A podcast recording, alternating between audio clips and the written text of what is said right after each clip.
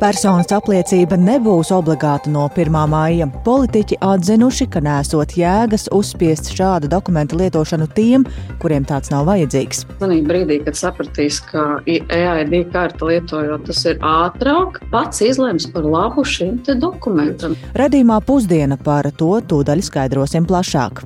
Šogad beidzas Eiropas nauda cilvēku ar garīga rakstura traucējumiem pilnvērtīgai iekļaušanai sabiedrības dzīvē.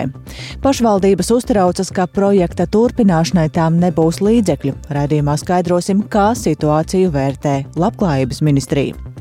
Bet ASV drošības dienesti ir izmeklējuši notriektos neatpazītos lidojošos objektus un to iespējamo izcelsmi.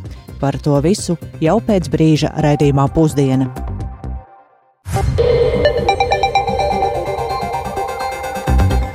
Piecas minūtes pāri 12. laiks ziņu raidījumam pusdiena ar šīs dienas 15. februāra notikumu skaidrojumu. Studijā Dācis Semenoviča esiet sveicināti! Kamēr būs derīga pase, Latvijas iedzīvotājiem nebūs obligāti līdz 1. maijam jāsaņem personas apliecība jeb ID karte. Šādu likumprojektu skatīšanai saimas plenārsēdē steidzamības kārtām šodien virza atbildīgā saimas komisija. Un iegans tam ir pilsonības un migrācijas lietu pārvaldes grūtības nodrošināt EID kartes visiem, kuriem tās ir nepieciešamas. Vairāk par to ir gatavs stāstīt Jānis Kīncis, kurš pievienojas. Sveiks, Jāni, un cik tad ir tādu, kuriem šāda apliecība kārtība pat laba nav. Jā, Pilsonības un migrācijas lietu pārvalde ir aplēsusi, ka personas apliecība pašlaik nav apmēram 350 tūkstošiem cilvēku, un pašlaik likums tās visiem valsts iedzīvotājiem paredz sagādāt jau līdz šā gada 1. maijam. Tomēr mm, diezgan skaidrs, ka tas nav īstenojams, jo PMLP jau ilgāku laiku daudz viet netiek galā ar slodzi, apkalpojot gan Ukrainas bēgļus, gan daudzos dokumentu sagatavošanas pieprasījumus. Tāpēc iekšlietu ministrija kopā ar saimnes juridisko Juridisko biroju izveidoja jaunu likumprojektu. Tātad tas paredz, ka kamēr Latvijas iedzīvotājiem Pilsonim vai nepilsonim ir derīga pase, personas apliecība vai tā saucamā ID karte nebūs obligāta. Un likumā šādai kārtībai paredzētais termiņš līdz pat 2031. gadam. Atgādināšu, ka jau kopš 2021. gada Latvijas iedzīvotājiem no 15 gadu vecuma pasi izsniedz tikai tad, ja viņam ir derīga jau šī personas apliecība, vai arī pasi izsniedz vienlaikus ar personas apliecību. Un šo principu ir paredzēts saglabāt. Tātad ar laiku personas apliecība palīdzība visiem Latvijas iedzīvotājiem tik un tā kļūs par obligātu nepieciešamu dokumentu, un tas faktiski visiem arī būs. Un es atgādināšu arī, kāpēc personas apliecību izcēla un virzīja par galveno personu apliecinošo dokumentu. Pirmkārt, tāpēc, ka tas ir ceļošanai Eiropas Savienībā ērtāk izmantojams dokuments, un otrkārt, tāpēc, ka personas apliecība ir viens no identifikācijas rīkiem, lai eh, varētu ērti piekļūt eh, dažādiem valsts nodrošinātiem elektroniskajiem pakalpojumiem pakalpojumiem, tajā skaitā e-parakstam vai elektroniskajam parakstam. Taču vairāki komisijas deputāti šodien lemjot par jauno alternatīvo likumprojektu, kā ļoti pareizu atzina principu, ka ar šo likumprojektu personas apliecību ātrā e, un faktiski neizpildāmā ter termiņā neuzspiedīs tiem, kuriem varbūt tā nemaz nav vajadzīga. Paklausīsimies, ko par to teica deputāte Viktorija Baire no jaunās vienotības frakcijas. Cilvēks manī brīdī, kad sapratīs, ka EID karta lietojot, tas ir ātrāk, nepiesaistīts laikam, nepiesaistīts tam, ka tev kaut kur fiziski ir jādodas, pats izlems par labu šim dokumentam. Savukārt tiem, kuriem tiešām nav vajadzība, vai viņiem ir ļoti liels grūtības ar šīm sistēmām, digitālajām prasmēm, viņi izmantos klientu apkalpošanas centrus un tad laika gaitā saņem šīs te ID kartītes. Varbūt viņi stāvēs sekcijā viņiem. To mēs arī nevaram paredzēt, bet bažas, ka pēkšņi kāds kaut ko nevarēs saņemt, es domāju, ka pilnīgi noteikti nav. Nu, lūk, tad vēl piebildīšu, ka šo likumprojektu, kas paredz atteikties no 1. maija kā datuma personas apliecības obligātai saņemšanai, pirmajā lasījumā paredzēts pieņem, skatīt un pieņemt jau rīt, ceturtdien. Savukārt pātrinātā kārtībā likumprojektam spēkā jāstājas jau nākamajā nedēļā, un tas būs jau nākamajā dienā pēc attiecīgā saimas lēmuma. Paldies, Jāni. Tātad, kamēr ir derīga pasa, ID kārta pagaidām visticamāk nebūs vajadzīga, un mēs savukārt turpinām ar kādu citu būtisku tematu. Cilvēki ar garīga rakstura traucējumiem, kuri nevis pasīvi dzīvo pansionātos vai tuvinieku aprūpē, bet paši rūpējas par savām ikdienas vajadzībām. Tāds ir deinstitucionalizācijas projekta mērķis, un šīm nolūkam ir atvēlēti vairāk nekā 111 miljonu eiro no Eiropas Savienības struktūra fonda naudas. Labklājības ministrija lepojas, ka process ir sekmīgi, taču pašvaldības un sociālo pakalpojumu sniedzēji ir bažīgi, ka rudenī projekts, un tas nozīmē arī, ka nauda beidzas un par nākotni skaidrības nav. Plašāk par to Zānes Eniņas ierakstā. Deinstitucionalizācija ir plašs, visu Latviju aptverošs projekts. Tā mērķis, lai cilvēki ar garīgu raksturu traucējumiem tiktu nevis izolēti pansionātos, bet no pasīviem palīdzības saņēmējiem kļūtu par pilntiesīgiem un aktīviem sabiedrības locekļiem. Ja tiek veicināta šo cilvēku patstāvība, gan sadzīviskā, gan nodarbinātības vai saturīgas laika pavadīšanas ziņā, Ieguvēji ir ne tikai viņi paši, bet arī viņu ģimenes. Vecāki var strādāt algotu darbu, nevis būt tikai savu mūžīgo bērnu aprūpētāji. Turpina biedrības cerības pārni vadītāja Eva Vīļķina. Ja mēs skatāmies tikai Siguldas novadā, tad vairāk kā 100, nu jau pie 130, 140 ģimenēm, kad vecāki vairāk kā 90% strādājušie. Ja, tas ir iegūms arī pašvaldībai. Ļoti mazinās pabalstu saņēmēju skaits, vai praktiski viņš jau gandrīz vairs nav. Cilvēks var iet strādāt, viņam ir nodrošināts viss, lai viņš var savu bērnu atstāt pakalpojumos. Biedrība cerības pārni ir viena no visvairāk pieredzējušajām deinstitucionalizācijas pakalpojumu sniedzējām Latvijā. Tās paspārnē Siguldas un Cēsu novedos izveidotas gan grupu mājas, gan dienas centri, gan darbnīcas. Sociālās un medicīniskās rehabilitācijas pakalpojumi pakalpojumu saņem bērni ar funkcionāliem traucējumiem. Pirms apmēram astoņiem gadiem valstī uzsākot deinstitucionalizācijas projektu, piemēram, Vidzemes plānošanas reģionā, kas aptver astoņus novadus, bija divi grupu dzīvokļi un divi dienas centri bērniem ar invaliditāti. Nu, par Eiropas Savienības naudu gandrīz katrā novadā ir uzceltas gan grupu mājas, gan dienas centri, un ar vērienu tiek sniegti daudz un dažādi pakalpojumi. Taču šogad dāsnais finansējums beidzas. Par to, vai nākamgad pašvaldības no savas kabatas spēs apmaksāt pakalpojumus tādā pašā apjomā, ir lielas šaubas, norāda projekta vidzem iekļauju vadītāja Ina Miķelsone. Ja mēs raudzītos, piemēram, 2016. gada cenās, tad, lai mēs varētu nodrošināt tādu labu pakalpojumu vienam cilvēkam ar garīgu raksturu traucējumiem, tas pašvaldībai izmaksātu apmēram 8000 eiro gadā. Ja mēs skatāmies šodienas cenās, tad tie ir aptuveni 18,000 eiro gadā vienam cilvēkam. Pašvaldības, kuras pirms gandrīz astoņiem gadiem iesaistījās deinstitucionalizācijas projektā, apņēmās vēl vismaz piecus gadus pēc tā beigām turpināt sniegt jaunieviestos pakalpojumus, bet izmaksu kāpums liek apsvērt, kur ietaupīt, vai sašaurināt klientu loku, vai samazināt pakalpojumu apjomu.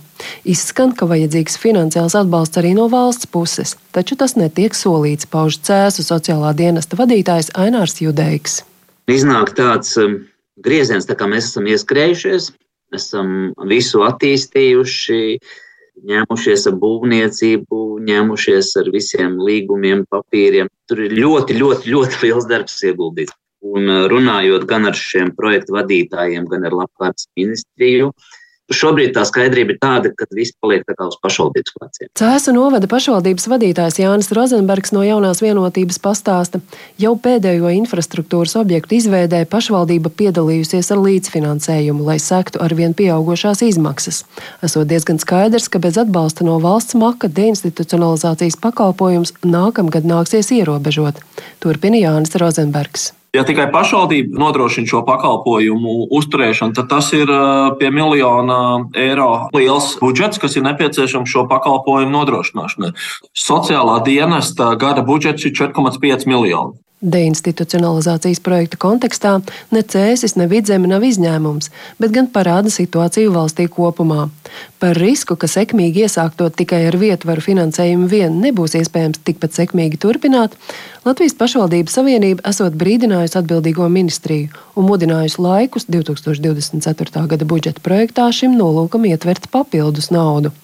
Labklājības ministrijas sociālo pakalpojumu un invaliditātes politikas departamenta direktors Aldis Dūdiņš skaidro, par katram pansionātu pametušajam sniegtajiem pakalpojumiem pašvaldība varot rēķināties ar mērķa dotācijām. Ministrijas pārstāvis norāda uz iespēju pārskatīt mērķdotāciju lielumu vai cilvēku grupas, par kurām to iespējams saņemt, taču par budžeta izdevumu palielināšanu šai vajadzībai runā negribīgi. Līdz šī gada sākumam deinstitucionalizācijas projektā no Eiropas struktūra fondu naudas skapja izlietoti vairāk nekā 72 miljoni eiro. Tie ir 65% no pieejamajiem 111 miljoniem. Zana Eniņa, Latvijas radio. Un kā tad ir, vai pašvaldības var cerēt uz valsts iesaisti un atbalstu šajā jautājumā? To kolēģi Dāra Zīle un Kristaps Feldmanis šorīt vaicāja arī labklājības ministrei Evikai Seliņai no jaunās vienotības un paklausīsimies viņas sacītajā. Pirmkārt, iepriekšējie mani priekšteči ir vienojušies, ka tiek ieguldīts pašvaldībās un uh, grupu māju dzīvokļos infrastruktūrā. Tātad tā ir Eiropas nauda. Nākamā Eiropas nauda tika paredzēta pakalpojumiem, kas bija tāds izvēles process, kur varēja saprast, kādi pakalpojumi vairāk ir nepieciešami, nopilotēt, tam vienmēr arī ir paredzēts tāpēc Eiropas finansējums, lai varētu izmēģināt, saprast, pielāgot un tad atrast tos pakalpojumus, tos veidus, ko pašvaldība atstāja. Tas, ka varbūt daļa pašvaldība ir paņēmuši visu to klāstu un uh, nav noslēpums, ka tā tas arī ir izdarīts, nu, iespējams būs jāvērtē, kas tomēr no tiem pakalpojumiem ir vajadzīgāks, pielāgojamāks, un varbūt, ka visu pakalpojumu klāstu arī nemaz nevajag. Ir jāmeklē tie veidi, kādā turpināt pakalpojumus, jo tas ir ļoti svarīgi. Tāpēc arī šāds Eiropas finansējums ir bijis paredzēts, un labklājības ministrija to arī ir atbalstījusi. Pašvaldībām noteikti arī jādomā, kādā veidā skatoties uz mūsu demografisko situāciju, nu, investēt savos cilvēkos un kopā ar valsti noteikti jāmeklē labākie risinājumi. Mēs arī plānojam šajā gadā turpināt ar pašvaldībām sarunas par minimālo sociālo pakalpojumu grozu kur, nu, daļai tad arī runāsim, kāds varbūt varētu būt potenciālais valsts līdzfinansējums. Bet tas būs tāds mēģinājums arī nolīdzsvarot, lai visās pašvaldībās tātad tomēr cilvēkiem būtu vienlīdz pieejami pakalpojumi, lai nav tā, ka viena pašvaldība sniedz ļoti daudz, un savukārt citur, varbūt attālākajos reģionos, šie pakalpojumi nav pieejami. Bet Tā, valsts nu, jā, tad ir gatava nākt palīgā un sniegt uh, atbalstu pašvaldībām? Valsts jau ir nākusi palīgā, ir uh, atnesuši šos Eiropas fondus, pašvaldībām ir bijusi iespēja tos investēt, ieguldīt. Pašvaldības to zināja jau no sākta gala, ka šis Eiropas finansējums beigsies. Tātad ir arī jāplāno savs budžets kādā veidā tos pakalpojumus var turpināt. Ja visus nevarēs turpināt, tad ir jāmeklē kopējie risinājumi. Visus noteikti arī nav jēgpilni turpināt, bet ir jāizvērtē, kur ir tie, no kuriem noteikti nevajadzētu atteikties. Jūs Domāju, esat runājusi ar pašvaldībām par šiem jautājumiem? Jūs sakat, Jā, pašvaldības nezinu. ir vērsušas uzmanību, ka viņiem šogad beigsies gada beigās Eiropas finansējums, bet uh, ir arī skaidrs, ka tas nav valsts pienākums uzņemties šīs saistības. Mēs varam tikai kopīgi sēžoties pie galda, meklēt kopīgas risinājumus. Es domāju, tas arī ir šī gada mūsu kopējs uzdevums. Tā labklājības ministra Evika Siliņa no jaunās vienotības, un pašvaldībām raizu šogad sagādā vēl kāds jautājums arī. Šķeldas cenu vai apjomu gan valdības lēmums ļaut izcirst jaunākus mežus līdz šim nesot ietekmējis tā uzsvera siltumu uzņēmumu asociācijā, un koku rūpnieki savukārt teica, ka ietekme uz šķeldas cenu varētu būt nākamajā apkuras sezonā. Tikmēr vides organizācijas joprojām ir pārliecināts, ka šis lēmums par jaunāku mežu izciršanu nebija pamatots, tas steigā pieņemts, aizbildinoties ar energodrošību un vajadzību palielināt šķeldas ieguvi, un arī līdz ar to to vērtēs satversmes tiesa, bet vairāk Sintīs ambotas ierakstā.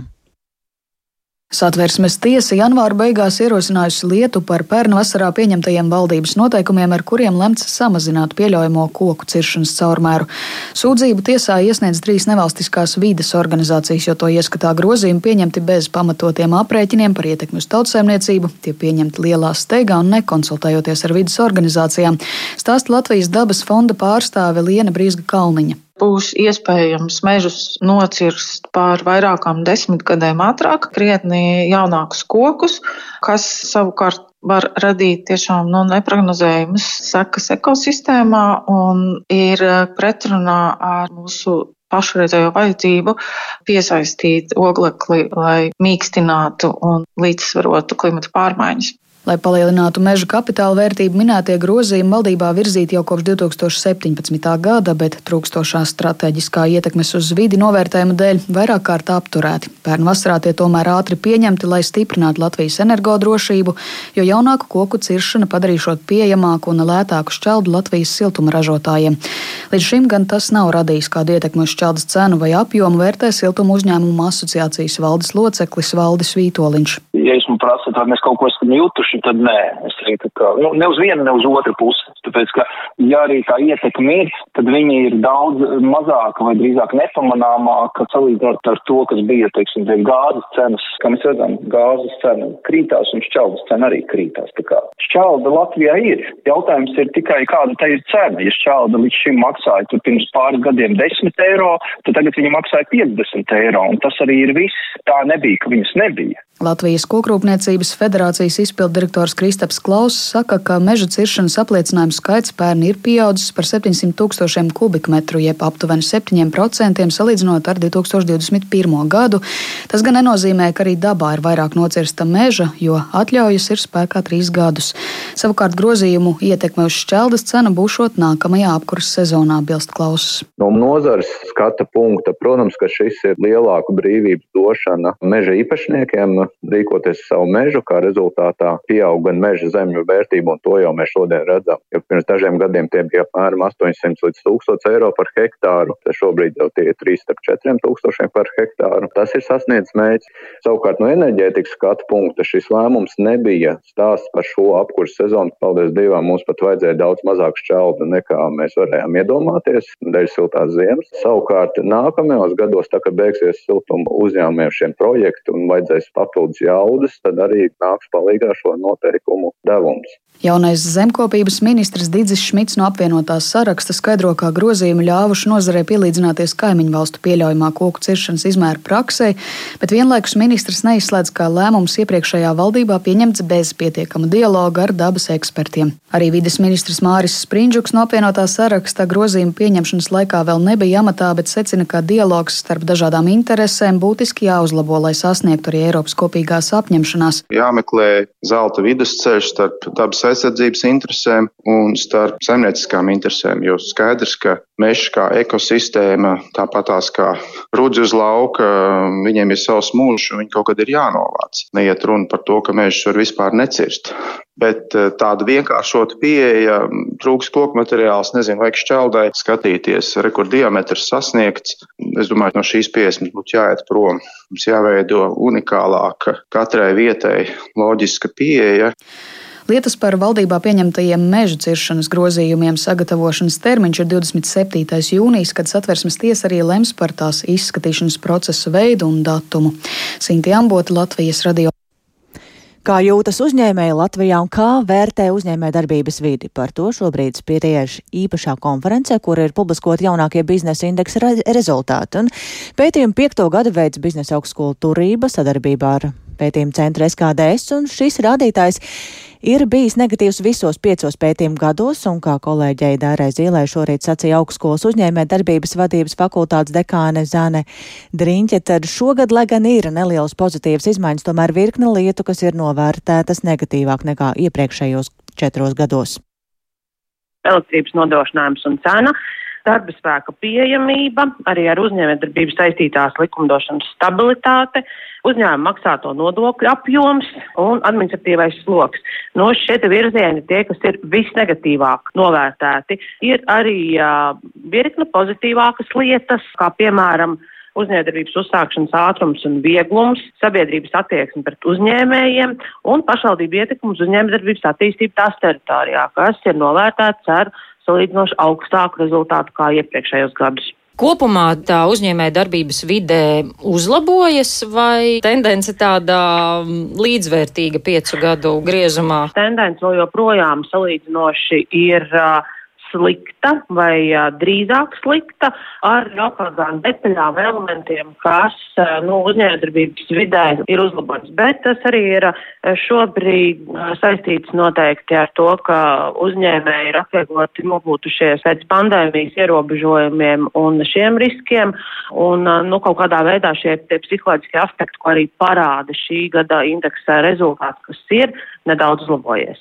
Bet kāpēc lielākoties neuzlabojas tas, kas rada bažas uzņēmējiem? Es domāju, ka šis ir komplekss ekonomikas stabilitātes jautājums Latvijā, kas ir gadu gadiem arī sastāpējis un ir virkni jautājumu, kas mums ne, ne nu būtu šodien ir tie jaunākie vai atklājumi, tas pats darba spēku pieejamības jautājums, mēs par to diskutējam un nepārtraukti par to runājam.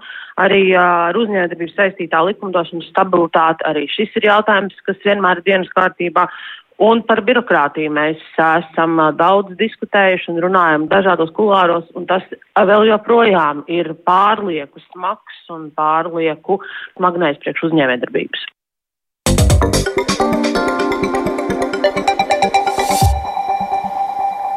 Turpinoties smagām kaujām Ukrainas austrumos, rietumvalstis steidz apgādāt Ukrainu ar ieročiem, lai tā spētu aizstāvēties pret gaidāmo Krievijas ofensīvu un īstenot arī savus pretuzbrukumus. Plašāk Rihards Plūme. Ukrainas prezidents Valdemirs Zelenskis, komentējot situāciju frontē, norādījis, ka situācija īpaši Donetskas un Luhanskas apgabalos joprojām ir ārkārtīgi sarežģīta, un kaujas norisinās burtiski par katru Ukrainas zemes metru. ASV Kara studiju institūta analītiķi uzskata, ka Kīivas nevēlēšanās atteikties no Bahmutas ir strateģiski pareizs lēmums. Zelenskis sacīja, ka viņš tagad dara visu, lai Ukrainas karavīriem dotu vairāk ieroču, vairāk tālas darbības ieroču un vairāk jaudas ofensīvai, kas tiek gatavota. ASV amatpersonas tikmēr atzinušas, ka Savienotās valstīs gatavo jaunu 10 miljārdu dolāru palīdzības paketi Ukrainai. Tiekot gatavotas arī jaunas sankcijas pret Krieviju, un par to visu ASV varētu paziņot tuvāko dienu laikā. Un vairāk militārās palīdzības ir apstiprināts arī vakar notikušajā 9. Rāmsteinas grupas sanāksmē. Lūk, Zelenska komentārs par sanāksmes rezultātiem. Ir pieņemti stingri lēmumi par valsts aizsardzību un mūsu karavīru stiprināšanu. Mūsu partneri ir apstiprinājuši vairāk pretgaisa aizsardzības sistēmu, vairāk tanku, vairāk artilērijas un šāviņu, kā arī vairāk apmācību mūsu militārpersonām. Protams, ne visu par Ramsteinu var ziņot publiski. Liela daļa līgumu un diskusiju būtu jātur aizslēgtām kontaktgrupas durvīm. Aiz slēgtām durvīm paliek diskusija par iznīcinātāju piegādēm, un zināms tas, ka lēmums šajā jautājumā vēl nav pieņemts. ASV aizsardzības ministrs Lloyds Ostins vakar uzsvēra, ka sagaida Ukrainas ofensīvu pavasarī, un tāpēc visi Ukrainas aizsardzības kontaktgrupas partneri ir smagi strādājuši, lai nodrošinātu Ukrainu ar bruņojumu, un tā varētu realizēt iecerēto kaujas laukā Ofensīvai turpina gatavoties arī Krievija. Britu laikraksts Financial Times vēsta, ka Krievija Ukrainas robežas tomā koncentrē kara lidmašīnas un helikopterus. Kā izteicās ASV aizsardzības ministrs, Krievijas sauszemes spēki ir diezgan novājināti, tāpēc Krievija varētu pārvērst uzbrukumu par gaisa kauju. Rihards Plūme, Latvijas radio un Amerikas Savienotajās valstīs turpina valdīt neskaidrība par četriem notriektiem objektiem, lai arī valda virkne sazvērestības teorija varas iestādes šādus apgalvojumus noliedz, un šo tematu skaidroja Ūģis Lībietis. Dažu nedēļu laikā virs ASV un Kanādas ir notriekti jau četri dažādi objekti, par kuriem gan joprojām nav skaidras informācijas. ASV aizsardzības ministrija norāda, ka nekādus militārus draudus šie objekti tomēr nav radījuši, sīkākas ziņas gan nesniedzot. Lai arī sazvērstības teorija atbalstītāji joprojām runā par neatpazītiem lidojošiem objektiem no kosmosa, daudz reālāk šķiet versija, ka pēc strateģisko radaru uzlabošanas daudz biežāk tiek pamanīti arī mazāki lidojoši objekti, nevis tikai balistiskās raķetes vai bumbvedēji. Pamatīgi kritika šajās dienās ir vērsta pret ASV Baltonamu, opozīcijas politiķiem norādot, ka Džo Baidena administrācija nekontrolē situāciju valstī. Baltānam preses pārstāve Karina Žanpjēra paziņojusi, ka teorijām par NLO pašlaik nav vietas. Again, no Vēlreiz, nav nekādu pierādījumu par citplanētiešiem vai ārpus Zemes aktivitātēm. Mēs gribējām tikai pārliecināties, ka amerikāņu iedzīvotāji par to zina. Mums bija svarīgi to pateikt, jo arī mēs dzirdam dažādas runas. Ļoti bieži izskan minējumi, ka notriekti objekti varētu būt saistīti ar jaunām Ķīnas aktivitātēm un spējām, par kurām Savienotās valsts varētu nebūt informēts.